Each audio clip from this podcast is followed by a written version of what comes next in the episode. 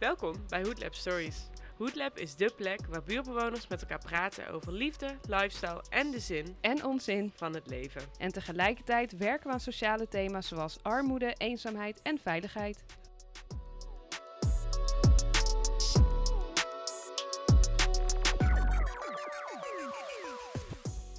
Bewoners van de Dapperbuurt ondervinden al jaren last van hangjongeren en criminaliteit.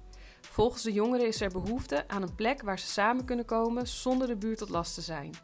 Als oprichter van Native O's diende Asdin een petitie in bij de gemeente Amsterdam voor een safe space voor de jongeren in de buurt. Inmiddels lijkt het erop dat zijn droom er echt gaat komen. Maar voordat het plan kan doorgaan, moet ook de buurt aan boord zijn.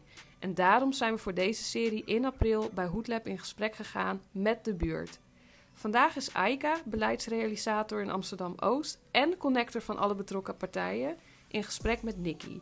Over de lessen die zij uit haar jeugd en reis heeft gehaald, het verschil wat er nog tussen mannen en vrouwen in de maatschappij is en hoe we de verschillende behoeftes van jongens en meiden kunnen bedienen met de Safe Space. Luister je mee? Voor we erin duiken, wil jij een beetje vertellen wie je bent en hoe jij eigenlijk betrokken bent bij Native Oost en bij Hoodlab? Heel graag.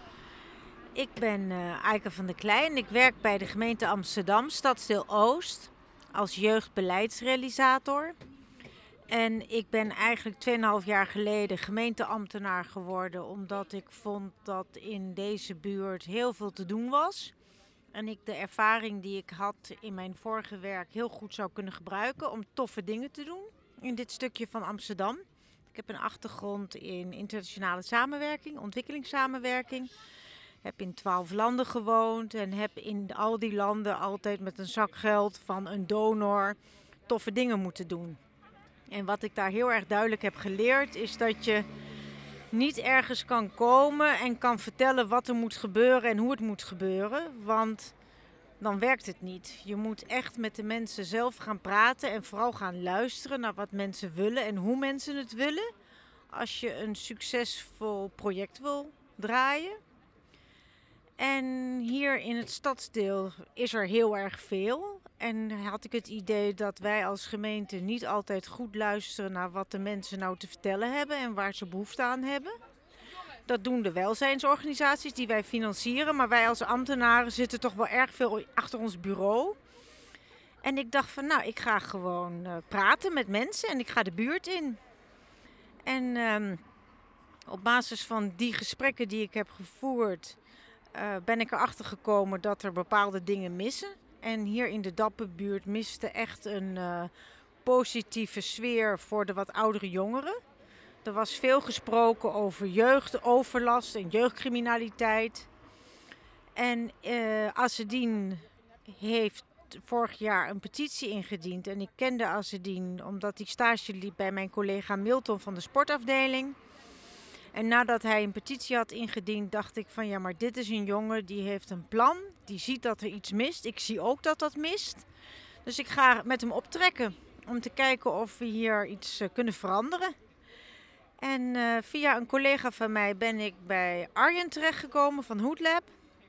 En ik heb contact gezocht met Arjen en ik heb gevraagd van nou, jullie doen allemaal toffe dingen in de stad. En ik wil heel graag dat je het nu niet doet in een buurt en dan vertrekt, maar dat je een groep mensen meeneemt uit de buurt om het duurzamer te maken. En Arjen heeft die opdracht geaccepteerd. En zo zijn Assedin, Arjen en Aika een soort van triple A geworden om Oh hier God, toffe dingen neer te zetten in de Dapperbuurt. Triple A, zo leuk. Ja, hè? Ja, Tof, hè? bedenk je die nu ter plekke of zit die al een tijdje in je hoofd? Ja, nee, die hadden we al een tijdje bedacht. Die was al eerder naar voren gekomen, die drie A's. Ja, dat is eh, heel toevallig, maar wel eh, heel toepasselijk natuurlijk, ja. Ja, nou heel tof. Nou ja, en natuurlijk Native Oost is heel veel bezig ehm, met de jeugd. Dus daarom zou ik het leuk vinden om met jou ook even een stukje te hebben over jouw jeugd. Ehm, zou je met ons willen delen waar jij zelf bent opgegroeid? Ja, ik ben zelf opgegroeid in Enschede. Dat is vlakbij de Duitse grens. En daar heb ik eh, een hele fijne jeugd gehad. En op mijn zestiende ben ik voor het eerst naar het buitenland gegaan, naar Amerika. En daarna heb ik eigenlijk twintig jaar niet meer drie jaar in hetzelfde land gewoond. Totdat ik zes jaar geleden weer naar Amsterdam terugkwam. Ja. Omdat mijn zoon eh, terug wilde naar Amsterdam. En eh, ik heb er één, dus ik heb naar hem geluisterd en ben weer in Amsterdam beland. Ja, nou ja, mooi dat je naar hem hebt geluisterd. Hoe oud is hij nu? Hij is nu 15. Oh ja, dus ook wel echt in zijn jeugd.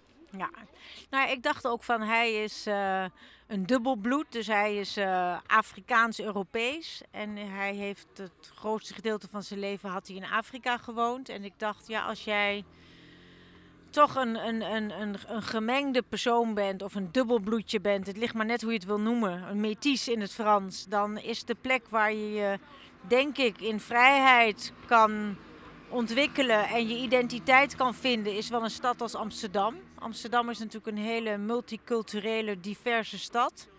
En je hebt hier als uh, jong persoon veel vrijheid om te gaan en staan waar je wil. Je kan je fiets pakken, je kan naar school, je kan de stad in, je kan naar voetbal, je kan andere dingen doen. En uh, je kan jezelf hier ontwikkelen. Ja. En je bent toch een Amsterdammer. En het maakt niet uit of jij niet uh, blond haar en blauwe ogen hebt. Want je bent gewoon een Amsterdammer. Ja, precies. En dat is wel een principe wat ik ook altijd hanteer in mijn werk.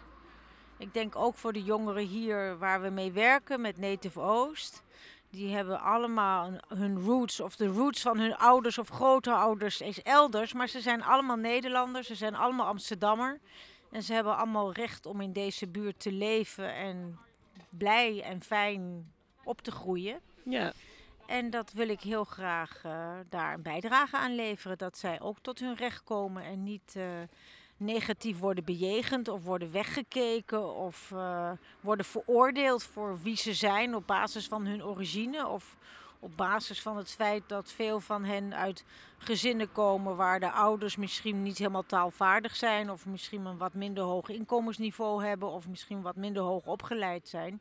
Dat moet niet uitmaken. Je moet je dan nog steeds kunnen ontwikkelen en een uh, volwaardige, gerespecteerde Amsterdammer worden. Ja. Dus dat vind ik ook het mooie aan de groep van Native Oost. Dat ze, ze horen ook bij de buurt. Ja, zeker.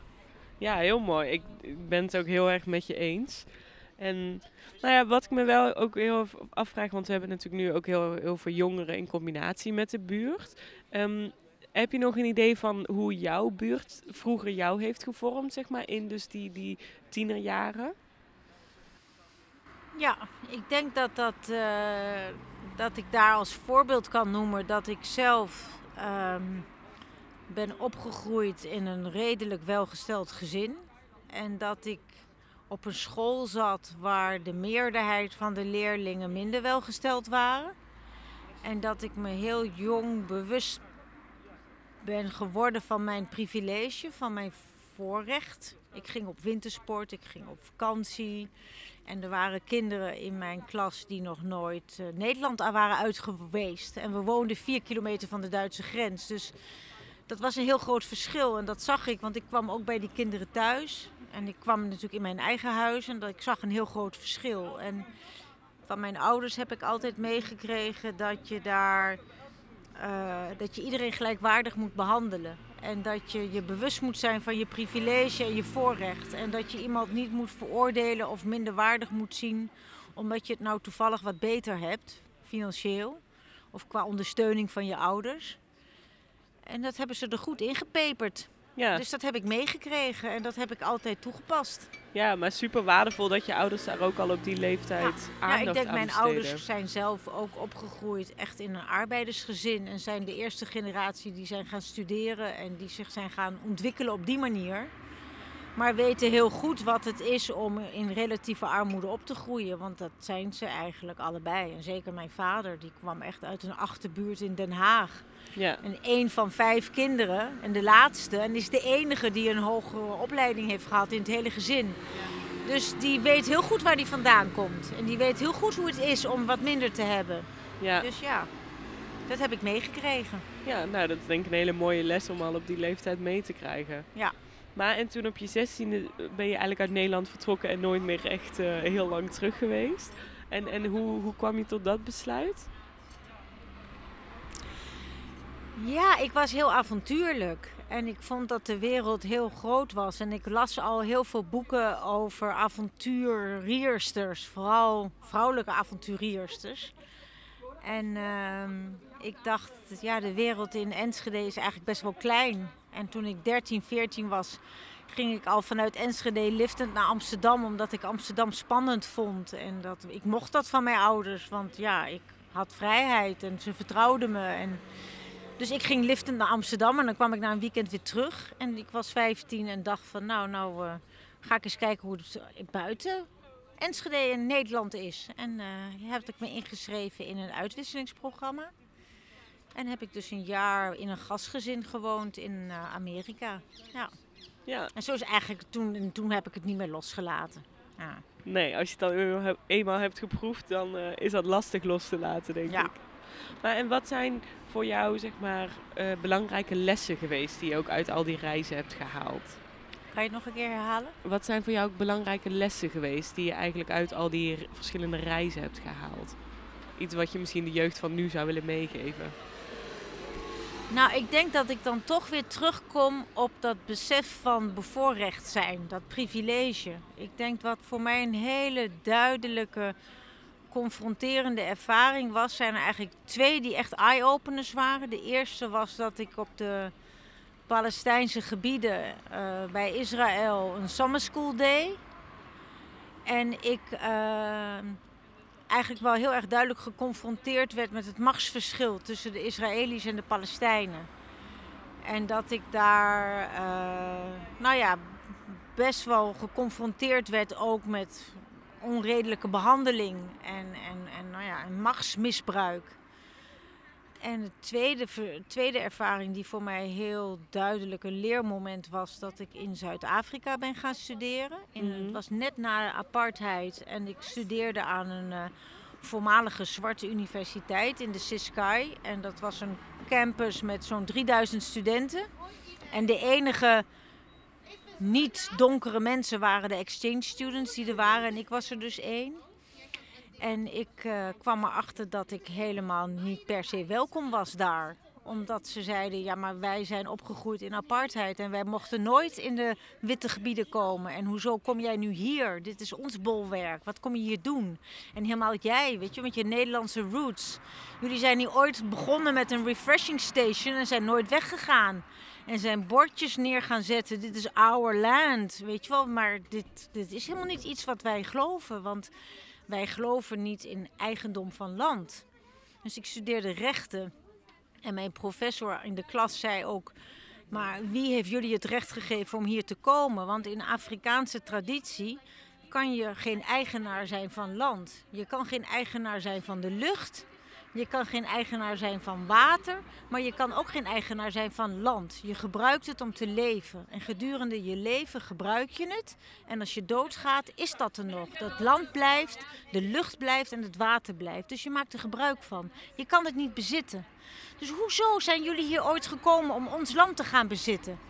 En ik voelde me heel klein en heel nietig. En ik dacht ook van ja, dit zijn mijn voorvaderen, maar dit zijn wel de ideeën die wij hadden. En die, hebben, die hebben wij geïmponeerd. Wij hebben dat uh, afgedwongen, dat, het, dat de reden zijn en dat dat de wetten zijn. Maar wie gaf ons dat recht? En dat is wel iets wat mij heel erg een, een ander perspectief heeft geleven, gegeven op wat nou juist is en wat nou niet juist is. Want het ligt er maar net aan met welke blik je naar een werkelijkheid kijkt of iets goed of fout is. Want in de ander ziet dat eigendom van land rechtvaardig is. Maar zij zagen dat niet zo. Dus nee. dat was wel een heel interessante eye-opener. Die twee ervaringen hebben me wel echt gevormd. Ja, ja, heel, nou ja, heel erg dankbaar dat je dit met ons wilt delen. Ja, ja ik kan me, zoals je het inderdaad, je vertelt ook heel beeldend. Dat ik denk, ja, ik kan me heel voorstellen, ook wat je zegt, dat je je op zo'n moment even gewoon heel klein voelt. En, ja.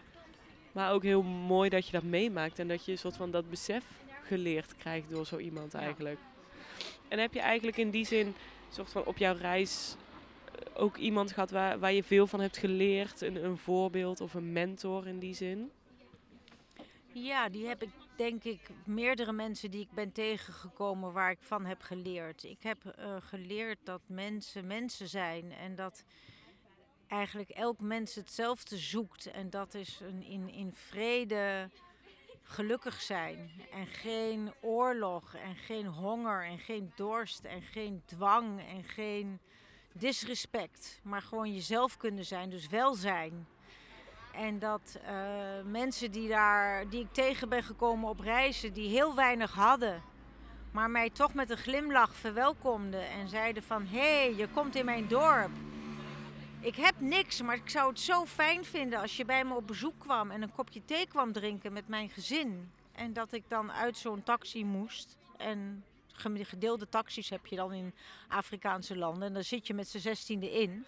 En dan zegt zo'n iemand, ja, maar je kan niet in de taxi naast me zitten en niet even een kopje thee komen drinken. Dus je moet echt die taxi uit. En dan kwam ik bij een gezin wat eigenlijk bijna niks had. Maar dat wat ze hadden, waren ze bereid om met me te delen.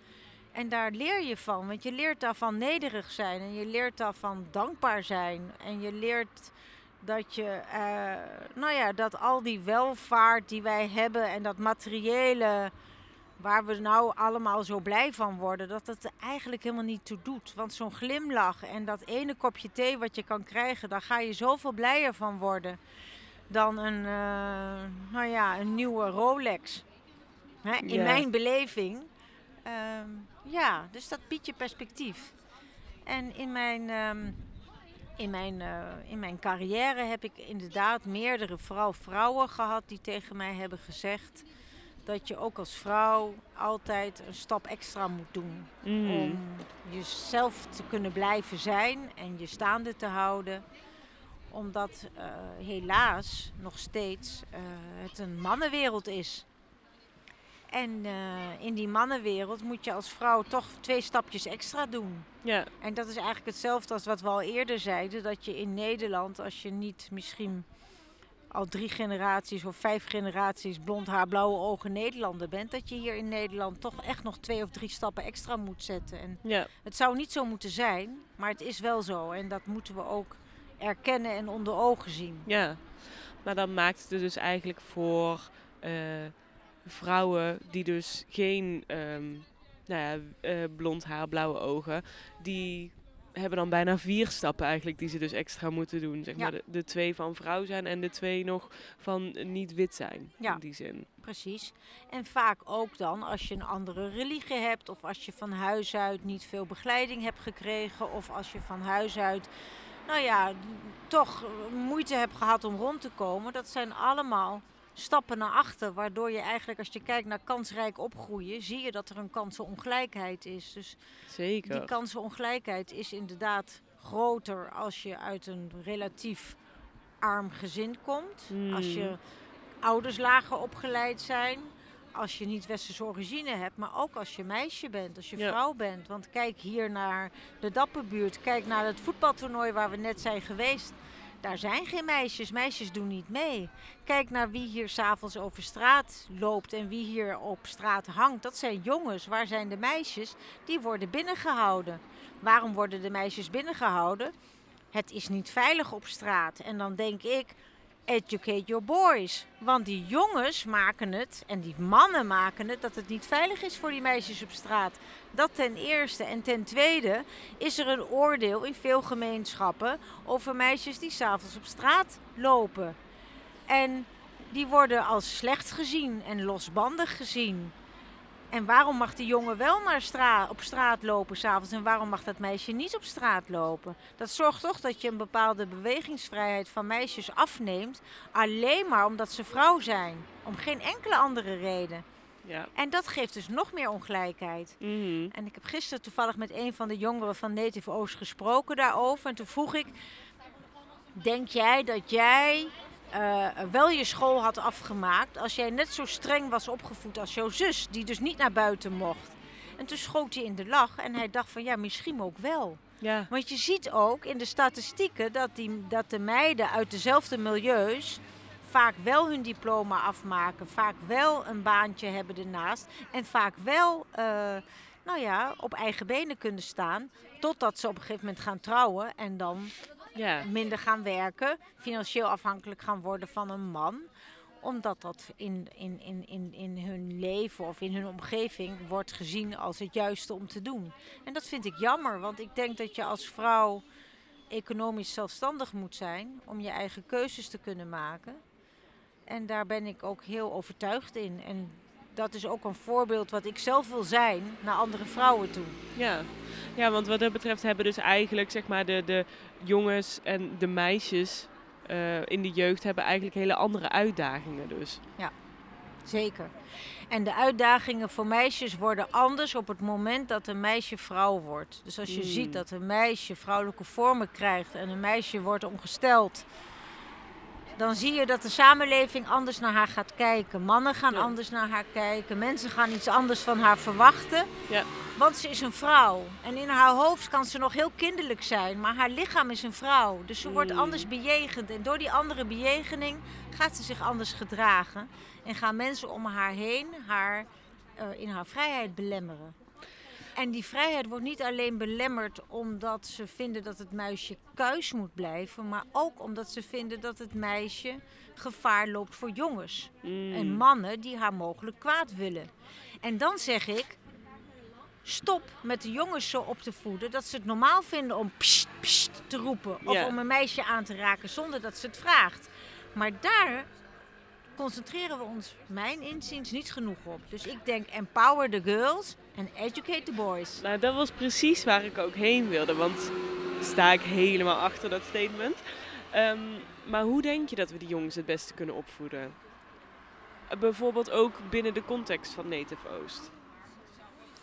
Ik denk dat het heel belangrijk is dat we gesprekken voeren over dit onderwerp met die jongens. En dat we eh, gaan vergelijken van welke keuzes heb jij kunnen maken in jouw leven. Welke keuzes heeft jouw zus kunnen maken of jouw nichtje of jouw moeder. Vergelijk dat met jouw vader. Denk na over hoe kijk jij naar eh, de vrijheid van jouw zus of van andere meisjes om jou heen. Spreek jij andere jongens aan op hun gedrag op het moment dat jij ziet dat ze een meisje intimideren of een Mhm. meisje seksueel eh, mishandelen. Mhm. Dat gebeurt namelijk veel. En Ja. jongens gaan tegen elkaar praten en opscheppen en stoer doen over de Mhm. hoeveelheid meisjes die ze hebben gehad. Een meisje die dat zegt is een slet of Ja. een hoer. Ja.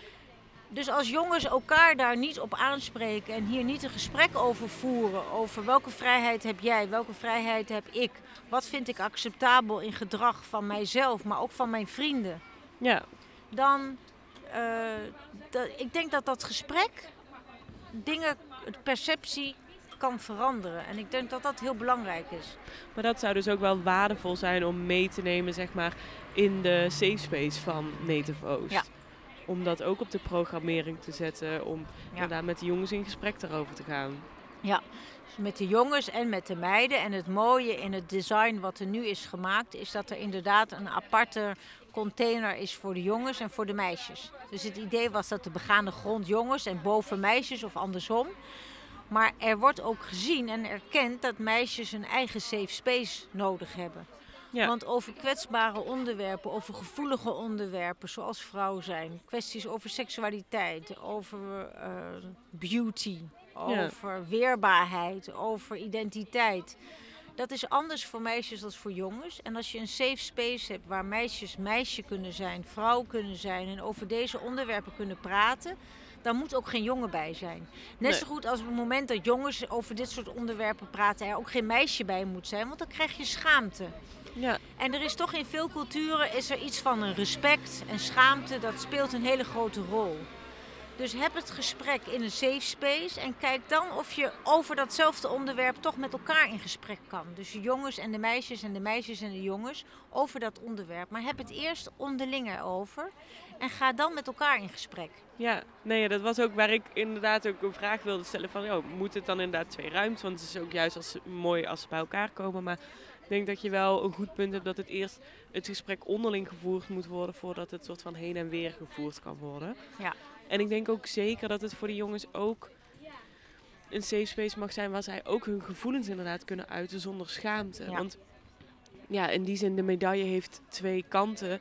Ehm, dat, dat, dat meisjes ook gevoelig mogen zijn. En dat zij mogen huilen en hun emoties mogen tonen. Dat er natuurlijk bij mannen heel vaak weggestopt moet worden. Ja. Dus ik denk inderdaad ook heel mooi dat dat...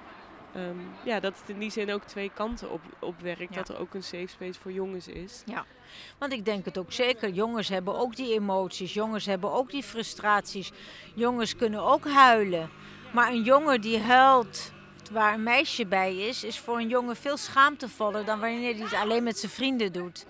Dus die safe space voor jongens is ook heel belangrijk. Dat jongens zich kwetsbaar kunnen tonen zonder zich te hoeven schamen. Want van jongens wordt ook vaak verwacht dat ze stoer doen en niet huilen en hun emoties niet tonen.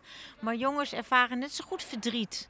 Ja, En ervaren net zo goed een emotionele rollercoaster als ze verliefd zijn of als iets misgaat in hun leven. ja, Maar ze mogen die emoties niet tonen, want dan zijn ze geen man. ja. Maar ze voelen dan toch wel frustratie en dat uitzicht dan vaak in woede.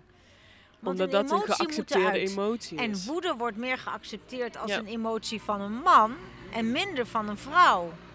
En het is allebei een uiting van een bepaalde frustratie die iemand heeft, of verdriet, of, of, of verlies, of welke, welke trigger er dan ook maar is. Ja, precies.